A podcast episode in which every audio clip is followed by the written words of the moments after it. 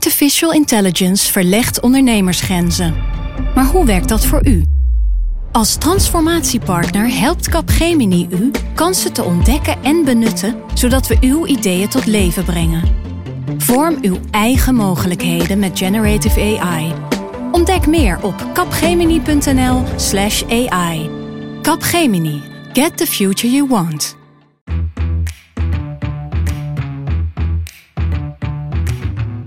Is Haagse Zaken. Mijn naam is Lemia Aharwai.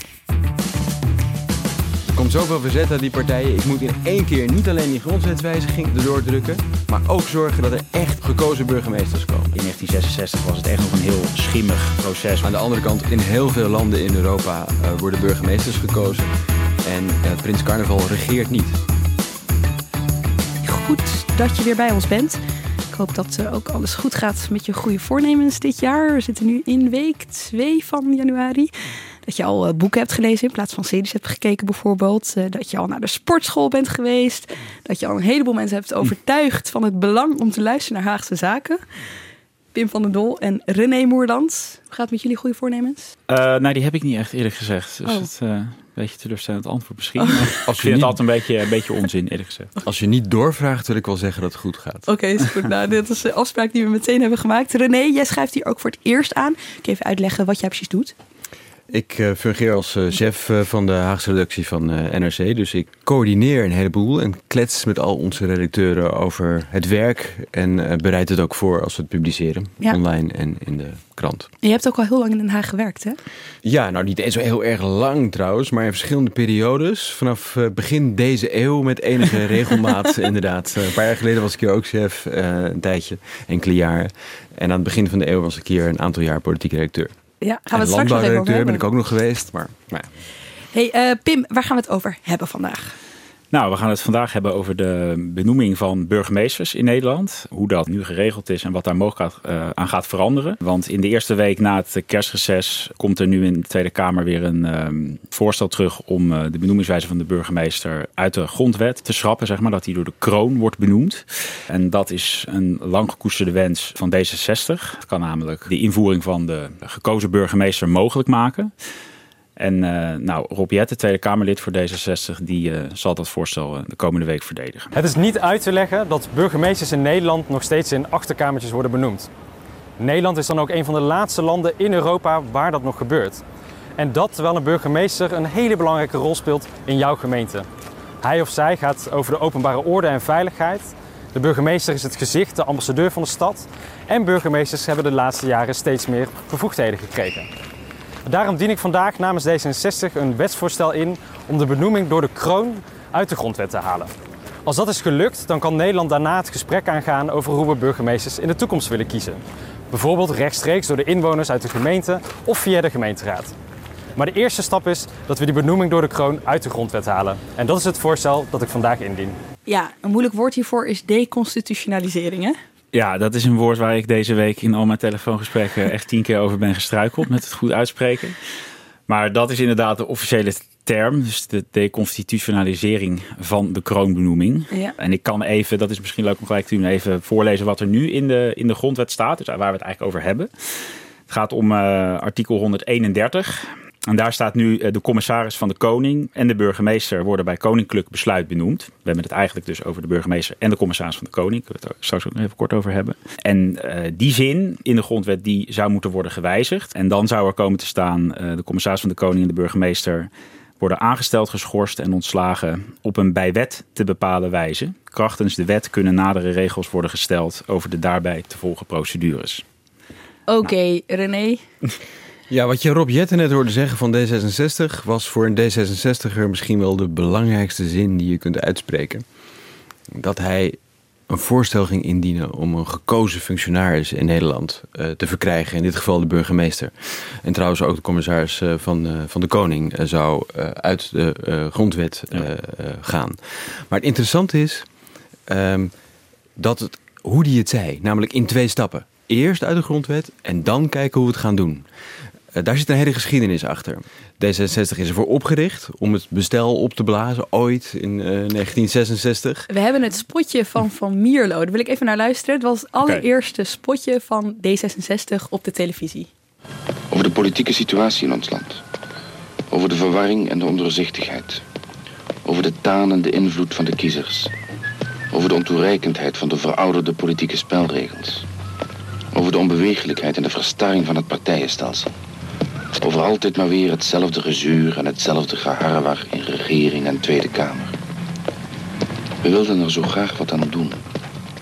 Maar we wisten niet hoe. Kijk hier nou.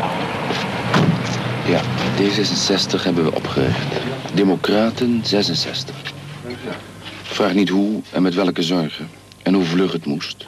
Omdat er weer een kabinet struikelde. En de verkiezingen vervroegd werden.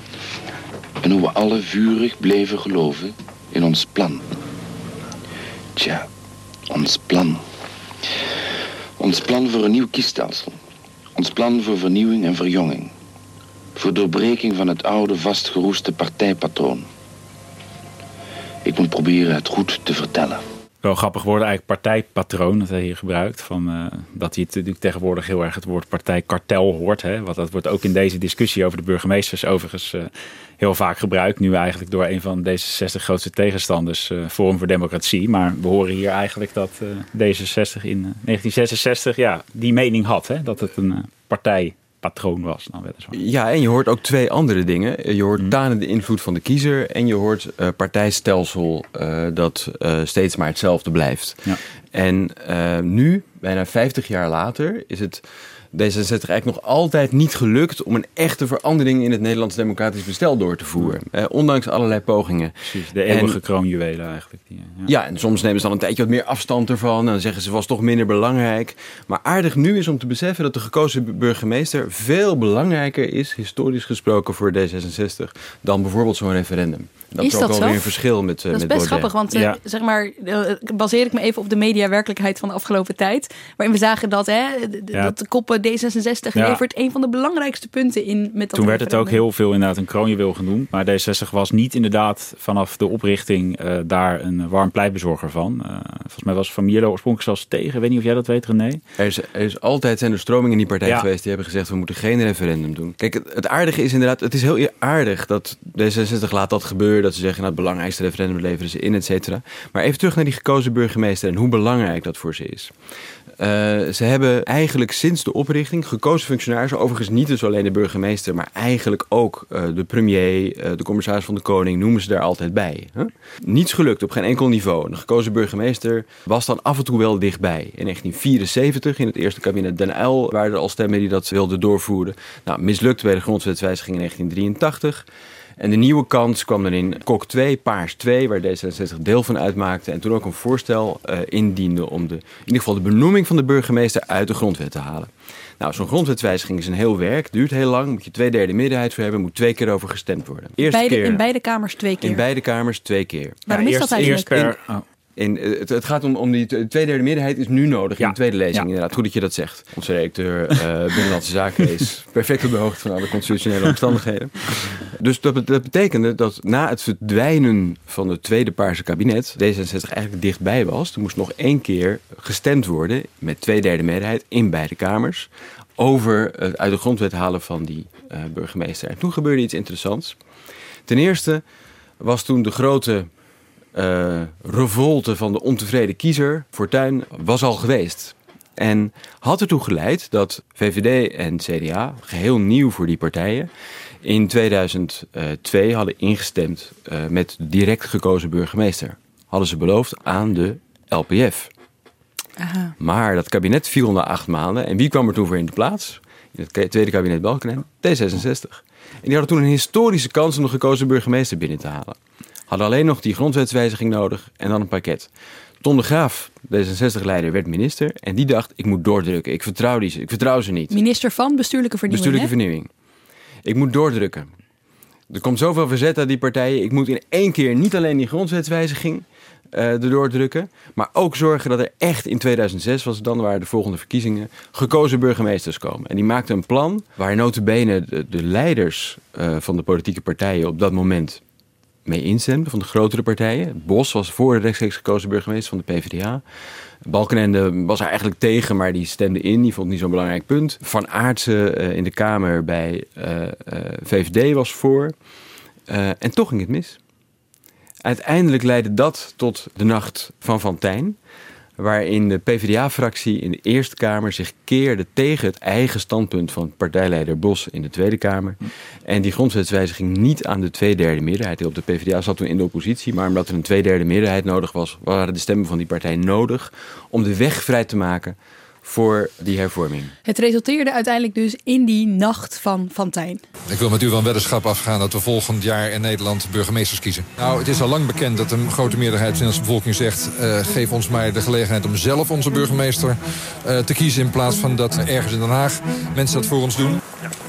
Ik heb zeer sterk de indruk dat de Partij van de Arbeid... vanaf dat men ochtends uh, de Eerste Kamer betrad, wist wat men ging doen. We zijn er nog niet uit. Ik hoop dus dat uw Kamer uh, met voldoende meerderheid dit wetsontwerp wil aanvaarden. Wij stemmen dus tegen. Maar betekent dat dat u zich moet beraden op uw positie morgen? Per definitie uh, ga ik eerst eens een goede nacht slapen. Ik wil niet s ochtends in de spiegel kijken en denken bij mezelf... ik ben minister van... en koninkrijksrelaties. Ja, en de volgende dag stapte Tom de Graaf op als minister. Ja, Jij was hier toen als verslaggever, hè? Ja, ik was daarbij bij, uh, bij die nacht inderdaad. Ik heb toen ook een paar weken later Tom de Graaf nog geïnterviewd. Ik geloof dat er boven dat stuk stond... ik uh, staar niet uit het raam en ik ben gelukkig. Uh, dank u, zoiets. Of ik slaap goed, geloof ik. Dat was een beetje gelogen waarschijnlijk. Hij speelde uh, nonchalance, maar hij had wel de grote slag verloren. Maar Tom de Graaf werd toch zelf uiteindelijk ook burgemeester van Nijmegen, als ik het goed heb? Dat klopt, hij was de zoon van de burgemeester van Nijmegen. Hij heeft een uh, politieke leven lang gestreden voor het invoeren van de gekozen burgemeester. En uh, toen hij op zijn 47ste uitgerangeerd was, en dat was totaal mislukt, heeft hij nagedacht, wat nu? En toen is hij inderdaad benoemd burgemeester van, van, uh, van Nijmegen geworden. En bleef hij zijn standpunt wel houden al die tijd? Ja, hij heeft, toen, hij heeft daar natuurlijk ook kritische vragen over gekregen. En heeft toen ook gezegd inderdaad van... Uh, ja, ik kan wel zeggen dat ik dan niet burgemeester wil worden... omdat die procedure nu eenmaal is. Maar ik ben nog steeds voor de gekozen burgemeester. Uh, ja. Maar ik moet het er nu mee doen. Ik sprak uh, Ton de Graaf niet zo lang geleden nog even in de Eerste Kamer. En hierover. En hij had geen zin om er al echt uitgebreid op terug te blikken... en nu weer een standpunt in te nemen. Maar hij zei nog wel van... nou, er ligt nog een heel mooi wetsvoorstel uit 2005 klaar. Overigens zei hij bij zijn vertrek als minister na zijn mislukking als minister van uh, bestuurlijke vernieuwing meteen al, ja, misschien ben ik toch wel meer bestuurder dan politicus. En bovendien was zijn partij, uh, had toen gewoon gezegd van nou, dan maar geen bestuurlijke vernieuwing en wij blijven gewoon in het kabinet zitten. Dat was voor hem natuurlijk, hoewel hij dat ontkende, waarschijnlijk ook een teleurstelling. Overigens werd zijn opvolger toen Alexander Pechtold, dat vond hij wel heel fijn, want dat vond hij een groot politiek talent, veel meer dan de toenmalige leider Dietrich. Nou, en uh, nu is Pechtold eindelijk op het punt waar Tom de Graaf toen was. Ja. Wat nu weer grondwetswijziging. 13 jaar later. Ja. ja, maar nu pakt D66 dus heel anders aan. En dat is het aardige aan, uh, uh, aan die zin van Rob Jette uh, laatst. Wat D66 nu dus niet doet, wat Olengren als minister ook niet doet, is zeggen, we koppelen die grondwetswijziging meteen aan een wetsvoorstel. En dat maakt het ook een beetje abstract. Dus het is nog niet gelijk duidelijk zeg maar, hoe de burgemeester dan in het vervolg zou moeten worden benoemd. Dus eerst deze grondwetswijziging doorvoeren. En daarna uh, wil D66 en ook het kabinet dus een debat over wat is de goede vervolgstap. Hè? Dus op welke manier moeten we de burgemeester dan uh, wel benoemen. Ja. En daar zijn ook, uh, nou ja, daar zijn wel verschillende varianten mogelijk. Maar aardig is dus even dat, dat je daar de politieke strategieverandering van D66 terugziet. Ja. D66 probeert nu de tactische fout van Tom de Graaf van toen fout te maken. Door meteen te veel tegelijk te willen en niets toe te geven aan andere partijen is het helemaal mislukt. Dus dat is het grote verschil, want dat was inderdaad nog wel mijn vraagje bij. Dat is dus het grote verschil met 2005. Toen wilden ze meteen al de vervolgstap erbij uh, doordrukken. En nu zeggen ze eerst maar eventjes uh, de kroning uit de, de kroonbenoeming uit de, de, grondwet halen. Uit de uh, grondwet halen. Want eventjes om het in te kleuren, om het duidelijk te maken, hoe werkt het nu? Amsterdam is bijvoorbeeld op zoek naar een burgemeester. Wat gebeurt er dan? Ja. Nu nog? Nou, nu is het zo dat uh, de gemeenteraad in de praktijk al een hele grote rol heeft uh, gekregen bij het uh, benoemen van de burgemeester. Dat is al zonder de wet gebeurd, dat is vanzelf gegaan. Ja, dat is eigenlijk in de, in de praktijk veranderd. Hè. Heel lang geleden, dus dat noemde een burgemeester van D60 mij deze week nog Onno van Veldhuizen uit Enschede. Die zei van ja, in 1966 was het echt nog een heel schimmig proces. Waarbij echt van boven gewoon uh, in Den Haag bekonkeld werd van oké, dit wordt de nieuwe burgemeester in die plaats. Achterkamertjes. Acht echte achterkamertjes. Nou, dat is eigenlijk al verdwenen. Doordat uh, sinds eigenlijk 2002 de gemeenteraad een, uh, een veel grotere rol heeft. Dus er is gewoon als er een nieuwe burgemeester nodig is, komt er gewoon een, een profielschets. Ook in overleg met de bevolking gaat dat nu al vaak. Die heeft dan inspraak. Uh, nou, vervolgens komt er een vacature. Uh, kunnen mensen gewoon op solliciteren. Jij en ik ook. Uh, ja, volgens mij dat is gewoon mogelijk. Het is gewoon een openbare vacature. Uh, je ziet ook de laatste jaren dat er steeds meer partijloze burgemeesters komen. Dat, uh, dat, dat, dat, uh, de, het is dus niet meer per se nodig dat je echt van een politieke partij bent. Um, René, ik zie jou glunderen. Een, Wil je solliciteren voor Amsterdam? Of? nee, ik had geen plannen. Maar ik, nee, ik wilde eigenlijk zeggen, dat was ook niet de reden dat ik glunderde. Maar het was grappig. Ik was meer een ironische glimlach, eerlijk gezegd. Ja. Omdat juist deze week, de, de, de, de, tweede week van het van het jaar 2018 de Vereniging Nederlandse Gemeenten heeft bekendgemaakt hoe, waar de burgemeesters vandaan komen op dit moment. En dan blijkt dat meer dan twee derde van alle burgemeesters gewoon nog altijd lid zijn ja, tuurlijk, van de VVD. Dat is nu de ja. grootste partij, CDA en PvdA. Terwijl als je ja. kijkt naar hoeveel stemmen uh, die partijen lokaal halen, dan zijn ze veel, veel, veel kleiner. Wat ook nog blijkt, uh, is dat uh, 80% van de burgemeesters man is van die partijen. Ja. En dat lokale uh, burgemeesters, burgemeesters van lokale partijen, afkomstig van lokale partijen, vaker vrouw zijn. En partijloze ja. burgemeesters ook. Dus solliciteer vooral u beiden. Maar hoeveel kans je maakt als je niet lid bent van een van die partijen, maar is de vraag. Maar wat zegt dat dan over dat waar. partij, hoe noemde Van Mierlo het? Partij, niet partij. Patroon. patroon. Ja, wat, Ja, dus, kijk, het is natuurlijk gewoon zo dat het bestuurlijk. Nederland, bestuurlijk Nederland bestaat natuurlijk vooral uit mensen die dit zijn nog steeds van een politieke partij. Dat is natuurlijk zo, dat is traditioneel zo geweest. Dus de meeste burgemeesters, inderdaad, veruit de meeste, worden nog, uh, ja, zijn nog vanuit een partij afkomstig en komen zo op die positie. Um, maar goed, de, de gemeenteraad, hè, als er dan een aantal kandidaten hebben gesolliciteerd, dan uh, wordt er een vertrouwenscommissie gevormd in de gemeenteraad. Um, die doen dan uh, een voordracht, vaak van twee kandidaten met één voorkeurskandidaat, waarvan ze zeggen: Oké, okay, dit vinden wij de beste kandidaat. En dat neemt de minister dan in de praktijk uh, ja, eigenlijk altijd over. dus zo werkt, ja, zo werkt de, de benoemingswijze op dit moment. En wat ja. verandert er straks dan?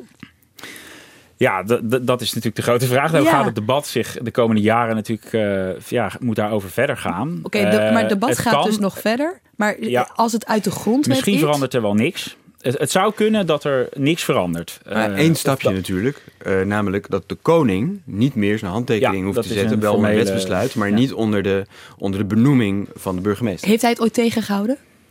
Of zij hiervoor? Hoe groot is die rol? Is het louter symbolisch? In ieder geval. Wel. Ja, dus zeker wel. Ja, misschien dat het ooit gebeurd is, dat zou ik je niet durven zeggen, maar dan maar in de verre, niet. verre geschiedenis Ja. dan. Ja, want wat, Mm. ik, me- wat ik hier nog wel interessant bij Mm. is, is de rol van de koning die steeds kleiner wordt. Want hij is natuurlijk al uit de formatie gesloopt, zijn, eh, zijn, eh, zijn rol. Ja. Dus hoe symbolisch ook nu zijn handtekening, als dit er echt doorheen komt, ook niet meer. Wat zegt dat eigenlijk over ja, hoe belangrijk de koning nog is in dit soort Ehm, gevallen?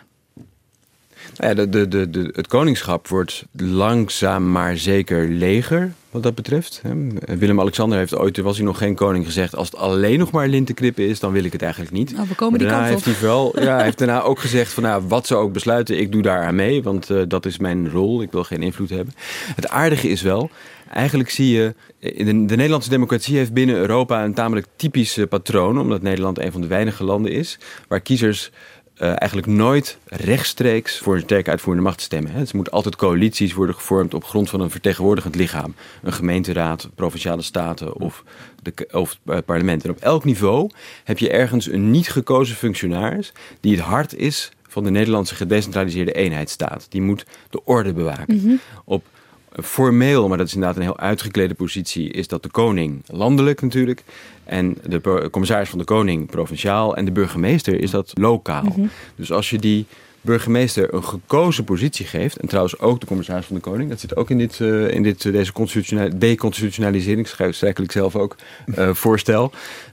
Dat betekent dat dat je die benoemde laag, zeg maar, uit het systeem houdt, haalt. Je krijgt dus dan op het lokale niveau, nog even afgezien van wat precies de procedure wordt voor de verkiezing, krijg je dan een, ehm, een, een rechtstreekse invloed van de kiezer op een of andere manier, via de gemeenteraad of via een directe stem, eh, op de verkiezing eh, van eh, de uitvoerende macht. En dat is echt heel nieuw voor Nederland. En dat is eigenlijk de grote verandering op, op lange termijn zou je kunnen afvragen... zou de koning zich misschien achter de oren moeten krabben... en zich afvragen of dat ook voor hem iets betekent. Ja. Maar dat is nu nog niet aan de orde. En het zou de, hè, stel dat de burgemeester gekozen zou worden... het zou de rol van de burgemeester ook eh, ja, heel anders maken... dan ten opzichte van hoe die nu is. En daarom is er ook wel veel verzet tegen een eventuele verkiezing. Hè. De, de burgemeester is nu eigenlijk helemaal geen politicus met een eigen programma of die uh, heel veel uh, invloed heeft op beleid, heeft niet echt eigen portefeuilles. Ja.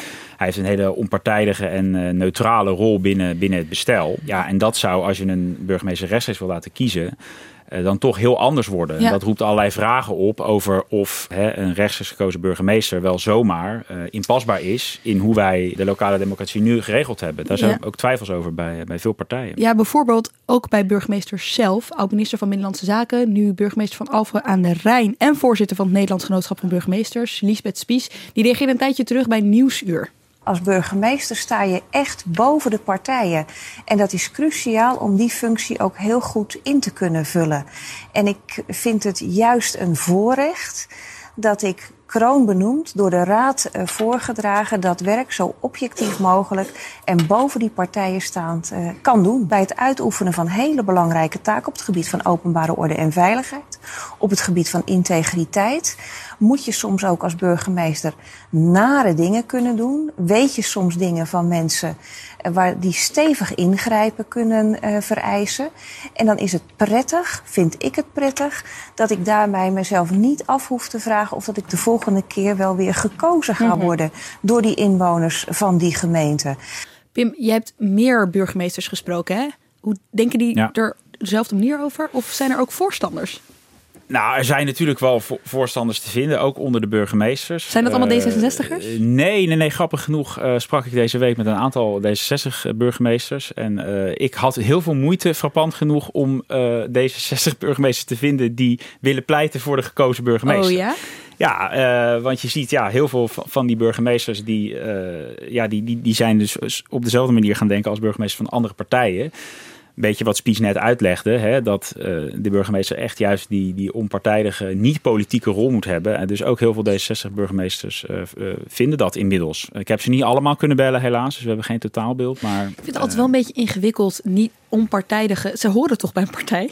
Dus ja, dus ik- Ja, dat ze, zijn helemaal. wel, de meeste hebben natuurlijk eh, lidmaatschap van een politieke partij, maar ze zijn natuurlijk niet, zitten daar niet voor hun partij. Burgemeester is echt een Ja. centrale functie. Kijk, het is voor burgemeesters, dat zegt Lisbeth Spies ook, natuurlijk heel prettig. Die positie van een benoemde burgemeester die zich niet afhankelijk hoeft te maken van in ieder geval de mening van of het dus een eigen partij is of een andere meerderheid in de gemeenteraad. Dat is, zoals Pim net beschreef, ook weer niet helemaal het geval. Want eh, sinds enige jaar kan de burgemeester ook zeggen: wij willen. Kan de gemeenteraad ook zeggen: wij willen af van deze, bur- deze burgemeester. En dan is de praktijk dat die ook niet kan blijven. dus die politisering van de burgemeesterschap vindt al wel plaats. Dat is, dat is zeker zo. Maar we, het grappige is, we zitten hier wel bij het hart van het probleem. Hè? Want we hebben net een beetje gedaan alsof het alleen maar een D66-hobby was, die gekozen burgemeester. Maar eh, eh, er werd ook al een paar keer naar verwezen dat eigenlijk al jaren eh, de eh, onderzoeken aangeven dat de meerderheid van de kiezers heel graag meer te zeggen zou willen hebben en ook zelf burgemeester zou willen Ja, kiezen. ik, ik heb nog wel twee leuke cijfers. Ehm, uit een recent onderzoek, of redelijk recent, dat kwam is anderhalf jaar geleden gehouden, eh, over wat, wat burgers in Nederland van, eh, van de burgemeester Mhm. denken. Het bleek inderdaad dat ehm, de tevredenheid over de burgemeesters van nu is heel groot. Eén op de tien zegt maar, ik ben ontevreden over mijn burgemeester.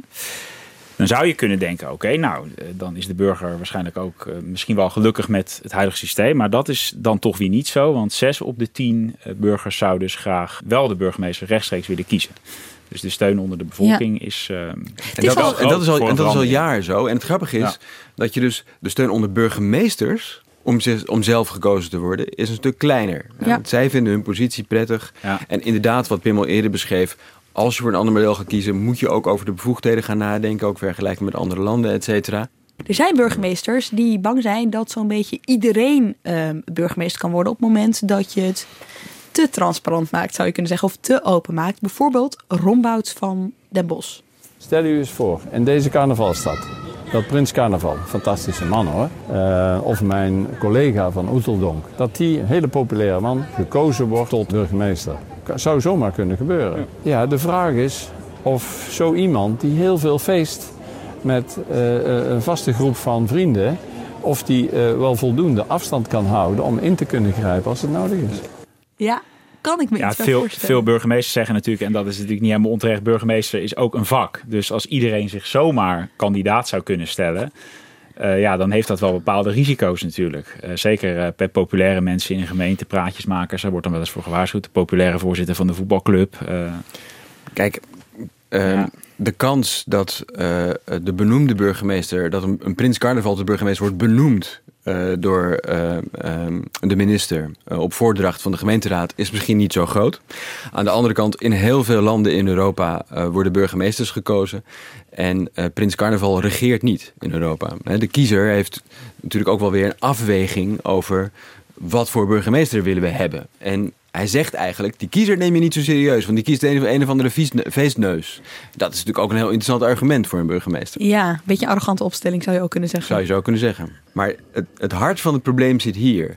Degene die uh, uh, benoemd worden, uh, die vinden dat prettig. En degene die hun stem mogen uitbrengen, die zouden zelf wel meer invloed ja. willen hebben. Ja. En daarom worstelen ook andere partijen dan D66 er wel permanent mee het is natuurlijk ergens ook weer niet, moeten we in het achterhoofd houden, niet heel verrassend dat de meeste burgemeesters, die natuurlijk functioneren binnen het huidige systeem, uh, niet voor een verandering zijn. Dat is natuurlijk ook ergens niet heel verrassend. Niet per se een D66 hobby inderdaad, want we hangen het wel op aan D66. Maar ja, het is natuurlijk meer partijen die zijn voor. Want als ik het goed begrijp, dan komt het nu makkelijk door de Tweede Kamer, maar ook door de Eerste Kamer.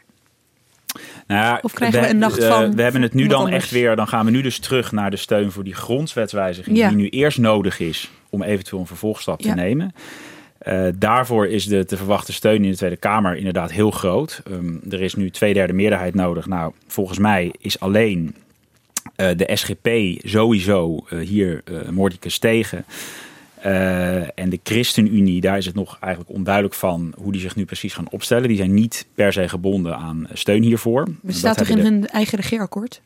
Ja, maar nou, nee, dat is een beetje uh, ingewikkeld. Maar in het regeerakkoord staat eigenlijk niet zoveel meer als dat uh, D66-Kamerlid Jette dus mocht doorgaan met het behandelen van deze grondwetswijziging. Maar binnen de coalitie zijn niet, geen afspraken gemaakt over. Maar de ChristenUnie is niet nodig voor die tweederde meerderheid. Dus wat dat betreft is dat niet eens uh, super relevant. En in de Eerste Kamer, uh, daar wordt het wel spannender. Want daar heb je met tweederde meerderheid uh, ja, 51 van de 75 zetels nodig. En daarbij is het eigenlijk cruciaal wat het CDA gaat doen.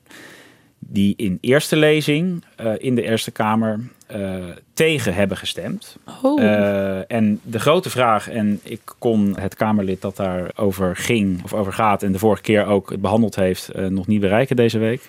Ze zat op Aruba. Uh, maar de grote vraag is eigenlijk wat het CDA nu voor positie uh, gaat kiezen. Valt er Dat al kan- een beetje over te speculeren? Nou ja, Nou, het aardige is Ja. wel dat het argument van de CDA-fractie destijds was... we stemmen nu over het uit de grondwet halen van de benoeming van de, Mhm. van de burgemeester... maar we weten niet wat er voor in de plaats komt. En dat is ook zo. Dat is ook zo. Sterker nog, de tactiek van D66, waarvan we niet moeten onderschatten hoe belangrijk het is voor ze is. De gekozen burgemeester is, denk ik, belangrijker dan het referendum. Mhm. Uh, maar de tactiek is anders. Ze willen namelijk nu juist, juist om niet de fout van Tom de Graaf Ja. te maken, eerst Ja. die, die, dat uit de grondwet halen en daarna gaan discussiëren over welke vorm je krijgt. Ja. Dat was dus precies het bezwaar van de CDA-fractie in de Eerste Kamer. En de CDA-fractie in de Eerste Kamer wordt nu gevraagd uh, dat bezwaar in te slikken en dan Ja. met een open oog te kijken naar de discussie die daarna op zal volgen. Wat wel uitmaakt, is dat Buma zich per regeerakkoord heeft, uh, dus de CDA-leider in de Tweede Kamer en de partijleider van die partij, uh, zich heeft gecommitteerd aan deze grondwetswijziging. Hij is overigens zelf, uh, hoewel zijn partij dat niet in het verkiezingsprogramma heeft staan, heeft hij zich in het verleden ook uitgesproken voor een uh, Maar hij gaat niet over de Eerste Kamer. Nee, klopt. De Eerste Nee, Kamerfractie uh, is staat natuurlijk strikt genomen niet, niet gebonden aan het regeerakkoord. Desalniettemin zou het nu wel heel vergaand zijn natuurlijk als de CDA-fractie in de Senaat als coalitiepartij dit echt om zeep zou helpen. Het zou heel ver gaan. Maar ja, Het is Dat kan wel. niet- Dit is nou precies wat er in de nacht van net, gebeurde. eh, zeggen, Want dat was toen eh, Bos die wel wilde van de. PvdA. En zijn eigen partijgenoten in de Eerste Kamer, die gingen toen niet mee. Precies, en dus- nu heeft de PvdA nog steeds die worsteling. Maar goed, zij zijn nu minder belangrijk. Een aantal kritische Kamerleden, de Eerste Kamer, zijn ook verdwenen daarover. Maar Ollongren kan zomaar de nieuwe Tom de Graaf zijn. Als ik even het, het helemaal dat kan gebeuren. Ze probeert een andere aanpak eh, te doen. Maar Ja. het is wel de vraag of D66 het zal accepteren als die grondwetswijziging er niet doorkomt. En daarna zelfs nog hoe ze ermee om zullen gaan als het eh, niet eh, eh, mogelijk blijkt om een meerderheid, een gewone meerderheid te vormen voor een of andere manier van gekozen burgemeesterschap. Ja, wat Ollongren precies gaat doen is nog de vraag. Hè, want eh, D66 eh, in de Tweede Kamer behandelt nu de, dit wetsvoorstel. Hè, en vervolgens zou het dan aan, aan de minister zijn, Mhm. dus aan minister Ollongren... eh, om, eh, ja, om, een, om een vervolgstap te nemen. Ehm, en ik heb begrepen dat eh, nou ja, nog, ze hebben nog niet een plan uitgedacht op het ministerie van we gaan per se voor deze variant kiezen. Of dat verder uitwerken in een wetsvoorstel. Maar het is wel de verwachting dat Ja. Ollongren een initiatief gaat nemen. En Ja. hoe snel en wat dat precies, dat is dus nog. Wat voor scenario's zijn er eigenlijk? Wat, wat, wat zou je kunnen doen? Bedoel, we Nou ja, hebben al eens een kijk- referendum gehad, een burgemeestersreferendum tussen 2001 en 2008. Ja. Dat is gestopt. Ja. Dat is niet zonder reden, denk ik. Nou ja, de opkomst was toen vaak betrekkelijk laag. En het was natuurlijk ook niet een echte hervorming. Het was een raadplegend referendum. Ja. Eh, je zag wel een aantal interessante eh, uit, eh, op, opkomsten. De opkomst was het allerlaagst in Utrecht. Waar eh 9% van de mensen kwam vertellen dat Aleid Wolfsen van de PvdA toen wel een goede, wel een goede kandidaat was. Maar 9% was natuurlijk maar heel weinig. En hij bleek ook niet zo'n eh, goede burgemeester, althans niet zo'n geliefde En burgemeester. er waren ook nog twee, twee. PvdA'ers toch? Of die het tegen elkaar opnamen. Dat weet ik niet meer. Ja, destijds. volgens mij wel. Maar in, in Eindhoven kwamen ook te weinig mensen stemmen. Je moest toen 30% halen Mhm. in het referendum om het zeg maar ehm, eh, een officiële verplichting te hebben voor de raad om er rekening mee te houden. Nou, dat werd niet gehaald in Eindhoven. De opkomst was toen 29 of zo, als ik me goed herinner, of 26. Maar de, de uitslag was voor de eh, toenmalige kandidaat Rob van Gijzel wel met 68%. En die bleek ook daarna een geliefde burgemeester te worden. Ja. Dat was wel interessant. Ja, ja, ja. Ehm, dus eh, je, ziet, je zag daar wel, het gaf wel een zekere indicatie, dat referendum. Maar wat je natuurlijk ook ziet, kijk, dat is misschien nog wel goed om even te zeggen, in die hele worsteling met de, met, met het burgemeesterschap. We hadden het net al even over de afkalvende steun voor de middenpartijen. Die zie je ook in de Tweede Kamer, hè, en de, de gevestigde middenpartijen, et cetera. En wat je ziet is op het moment dat die erg zenuwachtig waren na eh, de fortuinverkiezing, waren ze opeens allemaal voor de gekozen burgemeester. Althans de politieke leiders in eh, de Tweede Kamer. Maar de rank and file in den landen eh, was veel zenuwachtiger en had Ja. meer invloed via de Eerste Kamer en, en, en zeg maar st- stopte hun, hun, hun politieke leiders. Op het moment dat politieke partijen zich wat minder zorgen maken of misschien zelfs wel vrezen dat ze nog meer te verliezen hebben, zoals nu als ze die gekozen burgemeester door, invoeren, dan zijn ze weer minder enthousiast. Dus die, je ziet de hele tijd dat balanceren tussen de, tussen de, tussen de verschillende belangen. Ja, dus La- Lange, jij vroeg net van hoe gaat het nu verder? Dus ik denk inderdaad van mocht eh, die grondwetswijziging het nu halen in de Eerste Kamer, die zou er al voor de zomer kunnen eh, behandeld kunnen worden, dan ja, is het vermoedelijk nog, gaat het nog wel echt een paar jaar duren voordat er echt die verandering, als dat al lukt, deze periode gerealiseerd is. En ik sprak eh, deze week de Kamerleden van de coalitie en het is ook heel goed denkbaar dat eh Ollongren bijvoorbeeld nog een groot onderzoek gaat laten doen naar Oh, ja. wat zijn nou de, precies de varianten? Wat zou het beste passen bij het Nederlandse bestel? Dat is denk ik heel waarschijnlijk, want twee Kamerleden hadden het, die namen dat al eh, ongeveer zo in de mond. Eh, dus eh, het kabinet zal sowieso een, echt een breed maatschappelijk debat nog willen Ja. organiseren. Eerst over hoe moet dat precies verder met die burgemeester, voordat Ja. er echt Dus, denk eh, ik een wet eh, komt. Revolutie op zijn Nederland. Er gaan enkele tientallen jaren overheen. ja. Ah, Ja. Maar ik kijk ook terug nu. Hè. Ik denk die tientallen jaar die al voorbij zijn, Zo, reken ik er even bij. Ja, ik, zit Maar- even, ik zit even te denken, ja, René, je had het net over belangen. Mm. Hè? Wanneer, wanneer het wel of niet eh, goed is voor een partij om hiermee in te stemmen. Mhm. Eh, dit is natuurlijk een tijd waarin we zien dat veel eh, partijen aan de flanken eh, van niks tot een paar zetels in de Kamer komen. Ik kan me voorstellen dat zo'n partij als het CDA, toch wel, we hadden aan het begin van, uit, van, de, van deze podcast al over, die levert wel burgemeesters. Kan dat nog Ja. een afweging zijn in de Eerste Kamer? Dat ze denken, ja, dit is misschien niet het moment om het te doen. Ja, ze zullen het misschien niet zo formuleren, want Nee. je kan veel beter verwijzen naar de garanties in de, in Tuurlijk, de, van dat de functie van de burgemeester, et cetera. Maar als je het even omdraait, het is natuurlijk wel een vraag waar het over gaat. Kijk, als jij inderdaad wil eh, solliciteren voor het burgemeesterschap van Amsterdam, dan sta je nu voor de vraag: zal ik me dan bij een partij aanmelden en heb ik dan kans of niet? Maar denk ook even aan het CDA. Het CDA haalt minder dan 1% van de stemmen, geloof ik, in Amsterdam over het algemeen. Maar misschien hebben ze wel een hele kansrijke burgemeesterskandidaat. Nou, als je een burgemeester rechtstreeks laat kiezen, of door de, door de gemeente heb je minder kans, maar dan zou ze, eh, dat ook wel weer eerder kunnen gebeuren. Hè? Er zijn allerlei mensen in den landen, er wordt vaak gewezen op kandidaten die um, dan misschien wel uit de criminele wereld komen. Dat kan natuurlijk gebeuren. Uh, maar het kan natuurlijk ook zijn dat er mensen zijn die wel degelijk politieke belangstelling hebben, maar zich niet thuis voelen bij een partij. Hè? Dat zie je natuurlijk ook bij lokale burgemeesters. Dus dat zijn allemaal wel. En die, die stem is natuurlijk wel minder vertegenwoordigd in de Eerste Kamer en in de Tweede Kamer. Oké, Dus even resumerend. Wat gaat er nu gebeuren? De Tweede Kamer uh, gaat de grondwetswijziging nu eerst uh, aannemen. Dat is zeker. Dan wordt het voor de zomer spannend of de Senaat uh, ook akkoord gaat. Als dat zo is, gaat het kabinet waarschijnlijk een breed maatschappelijk debat initiëren. Komt er mogelijk een, een, onderzoek nog naar alle varianten, wat het beste zou passen binnen het Nederlandse model. En dan komt Ollongren uh, waarschijnlijk met een wetsvoorstel. En de grote vraag is of dat allemaal nog in de komende kabinetsperiode gaat lukken. Wij blijven het volgen en zullen, en zullen tussendoor postbericht geven. Ik uh, reken erop dat jullie uh, weer eens uh, aanschuiven, inderdaad. Dank jullie wel. ingewikkeld onderwerp, maar jullie hebben het echt helder uitgelegd. Dank je wel. Dank ook voor het luisteren. Ik had het aan het begin van de uitzending over goede voornemens. Die van mij is om jullie elke week te zeggen hoe fijn ik het vind dat jullie luisteren natuurlijk. Maar ook dat jullie helemaal gratis en voor niets anderen mogen kunnen, moeten vertellen over Haagse zaken. Deze uitzending was nooit gemaakt zonder het harde werk achter de schermen door Henk Kruijgrok, Olaf Wempe en Mirjam van Zuidam. En ik zeg tot volgende week.